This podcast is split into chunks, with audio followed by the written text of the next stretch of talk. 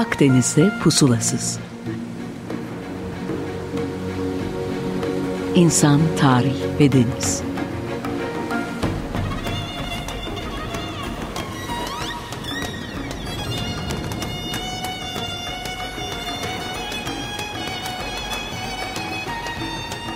Hazırlayan ve sunan Sidar Duman.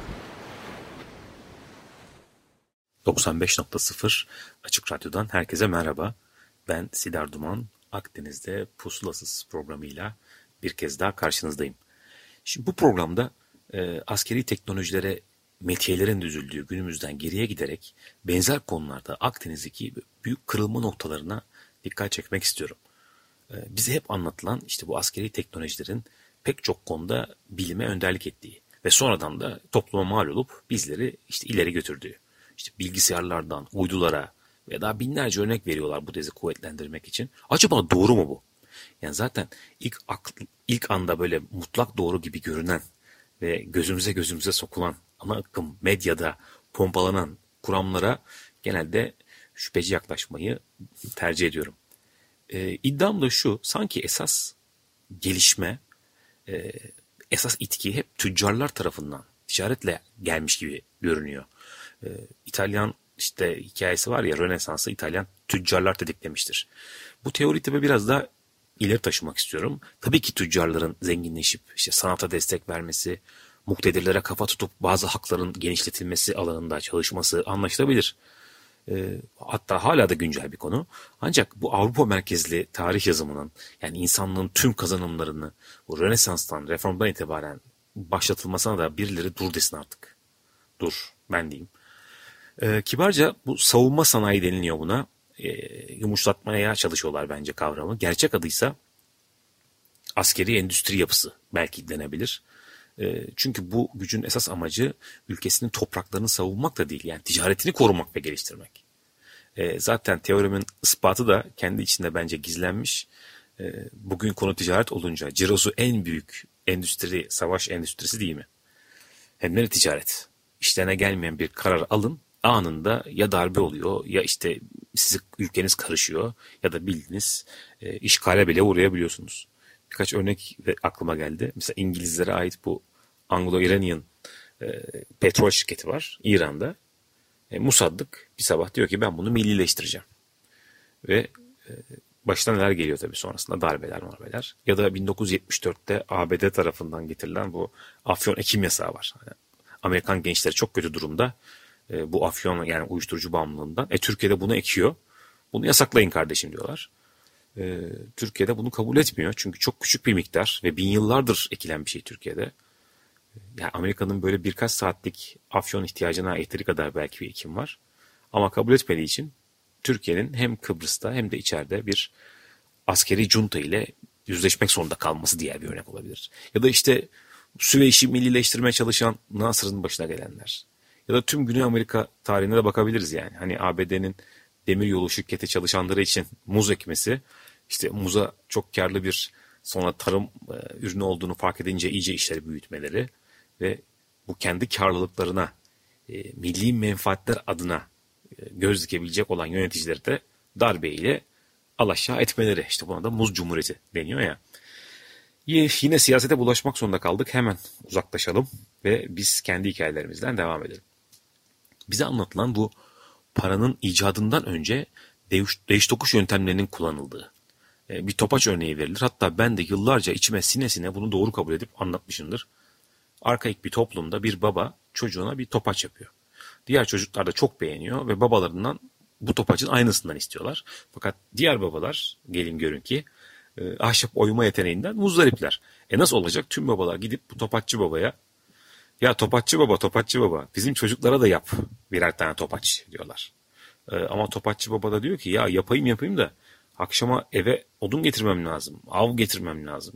Yemişler, meyveler bunlar nasıl olacak peki diyorlar diyor. Diğer babalar da diyor ki ben odununu getiririm, diğeri ben de etini getiririm, diğeri sütünü getiririm derken bir iş bölümü başlıyor. Ve işte değiş tokuşunun da temelleri bu şekilde atılmış deniyor.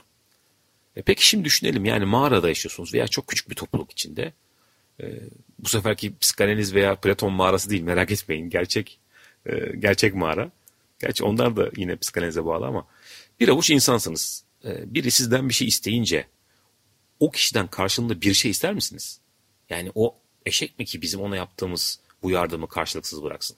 Ya da modern zamanlara gelelim. En yakın halkalarınızdan, halkanızdaki insanlardan biri sizden bir şey istediği zaman karşılığında böyle senet mi imzalatıyorsunuz ya da başka bir meta mı istiyorsunuz? Tabii ki hayır. İşte arkaik toplum da aynı şekildeydi bence. Değiş tokuş ya da takas ekonomisi denen bu kavram bu bizler gibi tüketim toplumunun üyeleri için çok mantıklı bir açıklama bence. Yani gerçekte alakası olduğunu düşünmüyorum. Tabii bu romantik ortam yani atalarımızın o çok uzun mağara hayatı uzun derken işte iki buçuk milyon yıl yuvarlak hesap e, geldi ve geçti ve şehir yaşamına adaptasyonla birlikte de hadi yuvarlak hesap 12 bin yılcık diyelim e, burada dengeler biraz bozulmaya başlandı. Tabii vurucu darbeyi e, bronz çağı indirdi bence bu ilkel yaşama söylediğimiz daha basit yaşama. Çünkü insanlar ilk kez kendi topraklarında olmayanı arzulamaya başladılar ve bu yaygın hale geldi. E, tabii insan bildiğini istiyor ama bilmediğini arzuluyor. O yüzden bu arzu çok daha kuvvetli bir his. Zaten çağın adı bile buna müsait. Daha önce konuşmuştuk.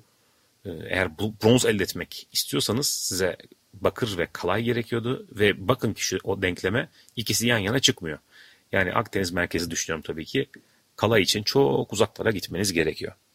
Ee, sadece bronz da değil. Örneğin Mısır milattan önce 1200'lerde sedir ağacına kafayı takmış. Tabii hem gemi falan da yapmak zorunda ama bir yandan dini ritüellerde de kullanıyor.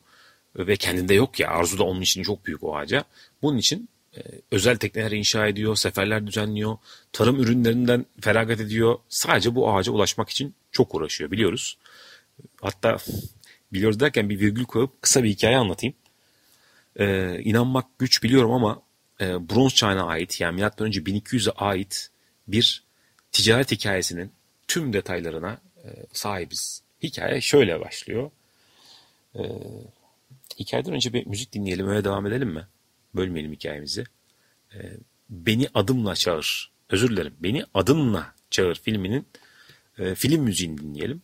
E, bekliyorum ikinci yarıda sizi. Bu ilginç hikayeyi anlatacağım bronz çağından kalma. Görüşmek üzere. Evet, radyolarını yeni açan veya 95.0'a yeni gelenler için tekrar merhaba. Akdeniz'de pusulasız ikinci bölümüyle devam ediyor bu güzel müziğin ardından. Ee, ilginç bir yerde kalmıştık. Hikayeye başlamamak için biraz erken müziğe gittik. Bronz çağına ait elimizde çok güzel bir tüccar hikayesi var demiştim. Esasında bu kahramanımız bir rahip, Mısırlı bir rahip. Adı da Venamun. Venamun bir Amon, Tanrı Amon rahibi ve kıymetli bir rahip yani üst seviyelerden biri. Ama öncesinde sahneyi kurmak için kısa bir hatırlatma yapayım. Bu bronz çağının sonundayız. E, yuvarlak hesap yine milattan önce 1200'lerdeyiz ve Deniz Halkları isimli veya böyle anılan karışık bir grup gelip Akdeniz'i birbirine katıyordu. Başka programlarda değindik biz buna. Sadece tabii Akdeniz'de değil. E, Hititler de bitiyor. Truva da aynı anda bitmiş. Anakara Yunanistan, Girit, tüm Doğu Akdeniz bir tek Mısır ayakta kalabiliyor. O da savaşarak ve bütün tabii bu ticaret ağını e, zayıfladığı için gücünü yitirerek hayatta kalabiliyor.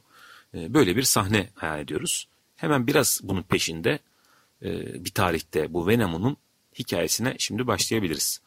E, esasında bu döneme e, Akdeniz'in Balkanlaşması da deniyor. Yani ben demiyorum. Tarihçi Fernand Brodel de diyor. Yani bu büyük gücün dağılmasının ardından oluşan küçük topluluklar diye özetleyebiliriz belki bu dönemi. Bu işte göçmen veya istilacı artık sizin bakış açınıza göre e, halklar daha sonra da Doğu Akdeniz'de yerleşerek Fenikelileri, Filistinlileri hatta bilmiyorum bugünkü bir sürü başka kavmi de oluşturmuşlar. İşte Biblos, Sidon, Tire, işte Fenika uygarlığının merkezleri bunlar. Bunlar pek yıkılmıyor çünkü her nasılsa Fenikeliler çok savaşçı değil, tüccarlar. İlerleyen yıllarda da e, Kartaca'yı kurarak e, Akdeniz'deki bu tüccarlıklarına tüccarlık katacaklar diyelim. Ta ki Roma onlara bir dur diyene kadar.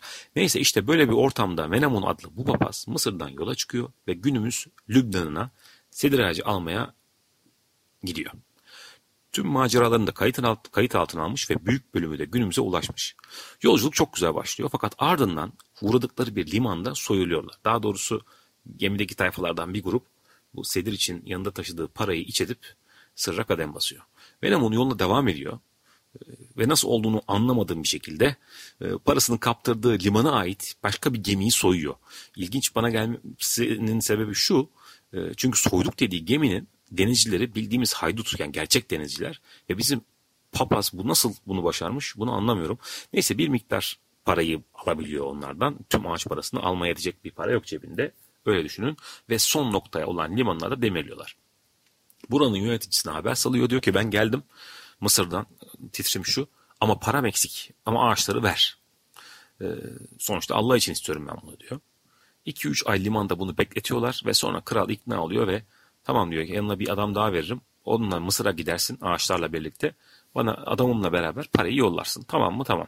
Ancak tam bu noktada bu Yunan tra- trajedilerine taş çıkartacak bir olay oluyor. Ee, trajedi, trajedilerde de şöyle oluyordu. Ee, çözülmesi imkansız bir konu oluyor. Son sahnede onun en, en de sonunda bir tanrı gelip onu kurtarıyor. İşte Deus Ex Machina ile. Burada da Venom'un e, gemilerinin tam demir aldığı esnada Mısır'da yola çıkmak için o daha önce soydukları geminin ekibi bunları limanda basıyor. Ve e, çok değişik bir sahne değil mi? Ve hemen krala gidiyorlar. Diyorlar ki Venom'unu bize teslim et. Şimdi kral için çok zor bir karar. Çünkü papazı verse bu sefer Mısır'la arası açılacak. E, vermese bu sefer de komşu ülkeyle arası açılacak. Papaz olacak. Ha, belki de papaz olma kavramı da buradan geliyordur. Neyse şöyle bir çözüm buluyor. E, Hollywood vari bir çözüm buluyor. Diyor ki ben Venom'unu salayım. Siz onu ellemeyin. Benim kara sularından çıkar çıkmaz gidip onu yakalayın. Paranızı mı alıyorsunuz? Ne alıyorsunuz? Canını mı? Ne yapıyorsunuz? Yapın diyor. Ee, işte sanıyorum Venom'un da Allah'ına çok dua eden bir tip olduğu için bunlar aynen dedikleri gibi yola çıkıyorlar. Fakat hava çok bozuyor. Büyük bir fırtına falan derken bu haydutlar kuzeye doğru yani Türkiye'ye doğru yol alan Venom'unu takip etmekten vazgeçiyorlar. Yani nalet olsun paraya diyorlar ve e, vazge bırakıyorlar. Hikayenin sonunu bilmiyoruz ancak bunu yazabildiğine göre Venom'un herhalde sağ salim Mısır'a dönmüş diye düşünebiliriz. Bu illa başka yerlerden bir şeyler getirme hastalığı e, hızlanarak e, gelişiyor. Bu Akdeniz'de moda olan bir bronz kılıç bir bakmışsınız İskandinavya'da da kullanılmaya başlanıyor. Ya da gelelim biraz Roma dönemine. Bu Efes antik kentine giderseniz teras evlerini de gezmeyi unutmayın. Ee, ya Anadolu mermer dolu. Mermer yatakları dolu. Fakat adam gitmiş İtalya'dan mermer getirip evine koymuş e, Efes'te. Yani ne de olacak? Gelen bakacak herhalde anlayacak. Ne kadar zenginsin mi diyecek. Bilemiyorum ki. E, biraz daha günümüze yaklaşalım. İş tabii daha da zenginleşsin. 19. Ee, yüzyılda Britanya'da bu çılgınlık artık son noktaya varıyor. Çin'den çay getirmek istiyoruz. Ee, bu arada yeni öğrendiğim bir hikayeyi sizle paylaşayım. Bir gazoz açayım. Bu karadan gelirse çay deniyormuş. Denizden gelene tea deniyormuş. Fark oymuş yani. Çok taze öğrendim. Ee, tabii biz denizden gelenle ilgilenmeye devam edeceğiz ama çay diyeceğiz. İngilizler neyse sırf bu transfer için özel gemiler inşa ediyorlar. Clipper'lar. Bakın askeri amaçlı falan değil. Bu gemiler dönemin en hızlı gemileri ve Yeni Harman çayı bu Çin'den Londra'ya ulaştırmak için yarışlar düzenleniyor. 1800'ün ortalarındayız. Bu bende olmayana sahip olacağım ve en hızlı şekilde sahip olacağım yani Türkçesi. E, bu noktada tabii ticaretin de esasında en büyük savaş sebeplerinden biri olduğunu hatırlatalım. E, İngiltere bu aldığı çayın parasını kendi sömürgesi olan Hindistan'dan devşirdiği afyonla ödüyor. Bakar mısınız ticarete? Ne zaman ki Çin millete zararlı bu kardeşim sokmuyorum ülkeme bu afyonu diyor hop kraliyet donanması tepesine biniyor. Yani veya bu topraklardan bizim topraklarımızdan düşünelim. Kapitülasyonları bir aklımıza getirelim. Ee, öyle bir denklem ki yani Osmanlı'nın kalkınması imkansız. Bu İttihat, İttihat ve Terakki 1911'de kapitülasyonları kaldır diyor ve sonra tabii başımıza gelen silsileyi biliyorsunuz. Ee, Sevr Anlaşması'nı bir de bu gözle okursanız mesela yani neredeyse tamamı ticari ayrıcalıklar üzerine kurulmuş anlaşmanın.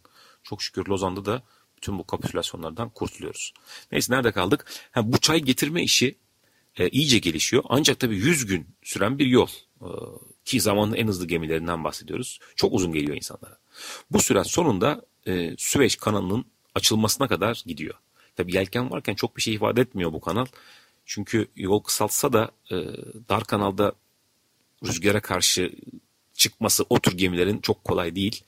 E, ancak tabii sanayi devrimi imdada yetişiyor ve hemen peşinden buhar makinelerinin icadı daha doğrusu verimliliğin artmasına tanık oluyoruz. Şimdi haritayı bir gözümüzün önüne getirmeye çalışalım mı? İngiltere'den çıkıp tüm Afrika'nın altından dönüp Çin'e gitmek yerine Akdeniz'den Süveyş üzeri Kızıldeniz hop oradan Çin. Yani yaklaşık 3300 mil e, kısalmış oluyor. E, bu Clipper'lar için yaklaşık 10 günlük bir yol kısalışı. Bayağı bir şey. Tabii yelken ne kadar hızlı giderse gitsin e, bu ki 15 işte mil sürat yapıyorlar ortalama. Maalesef bu buharlı gemileri Süveyş'ten geçtikleri için yakalama şansları yok. Bu yelkenden buhara geçiş tabii çok uzun bir sürmüş. Yani milattan önce 3000'den 1850'lere kadar sadece yelken var. Denizcilik çok tutucu. Hemen kabul etmiyorlar bu buhar makinelerini. Yandan çaklı zaten bazıları. Onlar da zararlı yani verimli değil. Ama artık e, süreç içinde yelken hobi amaçlı bir aktivite oluyor. Şimdi son yelkenli savaş gemisinin kullanılmasını Navarin'de rastlıyoruz. E, bizim tüm donanmamızı kaybettiğimiz e, deniz savaşı bu. Esasında Kavalalı da Mısır donanmasını kaybediyor.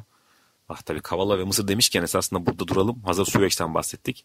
Ticaret tabii çok şey etkiliyor. Yani en çok da kültürleri kaynaştırıyor. Bu Napolyon Mısır seferini yaptı ve peşinden o değerli hazineleri Avrupa'ya taşıdı. Ve Batı da Doğu'ya karşı bir merak uyanıyor. Çünkü o çok zengin bir tarih baktığınız zaman. Yani Mısır şu bu. Bu Napolyon'un seferi sonrası orada bir güç boşluğu oluştu. Oraya da Mehmet Ali e, yerleşti. Tabi Osmanlı'nın buna hayır diyecek hali de yok. Ve inanılmaz bir modernleşmeye kalkışıyor. Yani savaştan toprağa, tarıma. Bana hep bu şeyi hatırlatır. 2000 sene önce onun oraya gitmesinden. E, Ptolemy sülalesi de Mısır'a aynı şekilde davranmıştı. E, neyse işte bu Avrupalılar tabii pamuk istiyorlar. Bu pamuk üretiyor. Aynı Venem o zamanda olduğu gibi kereste ihtiyacı var. Lübnan'a gidiyor Mehmet Ali. Oraları almak istiyor. E, ve tabii Osmanlı'ya kıyasla çok daha erken bir modernleşme hareketi başlatmış oluyor. O kadar ki e, Kütahya'ya kadar da geliyor yani bu istese İstanbul'da alacak ama onu durduruyorlar. Nasıl durduruluyor onu başka bir bölümde konuşalım isterseniz. Güzel bir hikaye. Ee, Süveyş kanalı, kanalı ile bu Batı ile Doğu bence tekrar birbirine ba- ba- bağlanıyor. Yani Batı yakın Doğu kültürünü böyle bağrına basıyor. İşte Osmanlı ve Mısır gibi iki bitap düşmüş ekonomi de canlanmak için bu Batı ülkelerine yanaşmaya başlıyor. Tabii bence Mısır bu kanala gelen e, Avrupalılar sayesinde Osmanlı'dan daha önde. Şimdi oryantalizmi böyle Batı emperyalizm, emperyalizmin işte kültür e, baskısı veya şey olarak ifadesi olarak görebilirsiniz ki kısmen doğru bence ama unutmamak gerekiyor ki Doğu Akdeniz'in muktedirleri de kendilerini Avrupa ile bir görmek istiyorlar. Akdeniz'in işte o tarafı Avrupa diyorlar ama bu tarafı da kendileri. Yani Akdeniz Medeniyetler Birliği gibi düşünmüşler yazılmamış olsa da bu. Ee, ve bence bu sebeple de kendi çoluk çocuklarını bile bu Avrupa politekniklerine gönderip eğitmek istiyorlar. Yani Avrupa bir kıtadan çok bir ideal bir fikir artık o dönemde. Sanayi devrimiyle işte tabii buhar makinesinin icadı artık mallarımızın süratini iyice arttırıyor. Tabii ki kültürler ve diğer etkileşimler de aynı hızda artıyor. Ancak tabii bu reçetenin de bir yan etkisi var. Ee, ona da geleceğiz. Şimdi kömür kullanılıyor. Güzel bir enerji kaynağı. Ancak gemide koca bir kazan bir de kömür depolamayı düşünürseniz bu metalları taşımaya yer kalmıyor.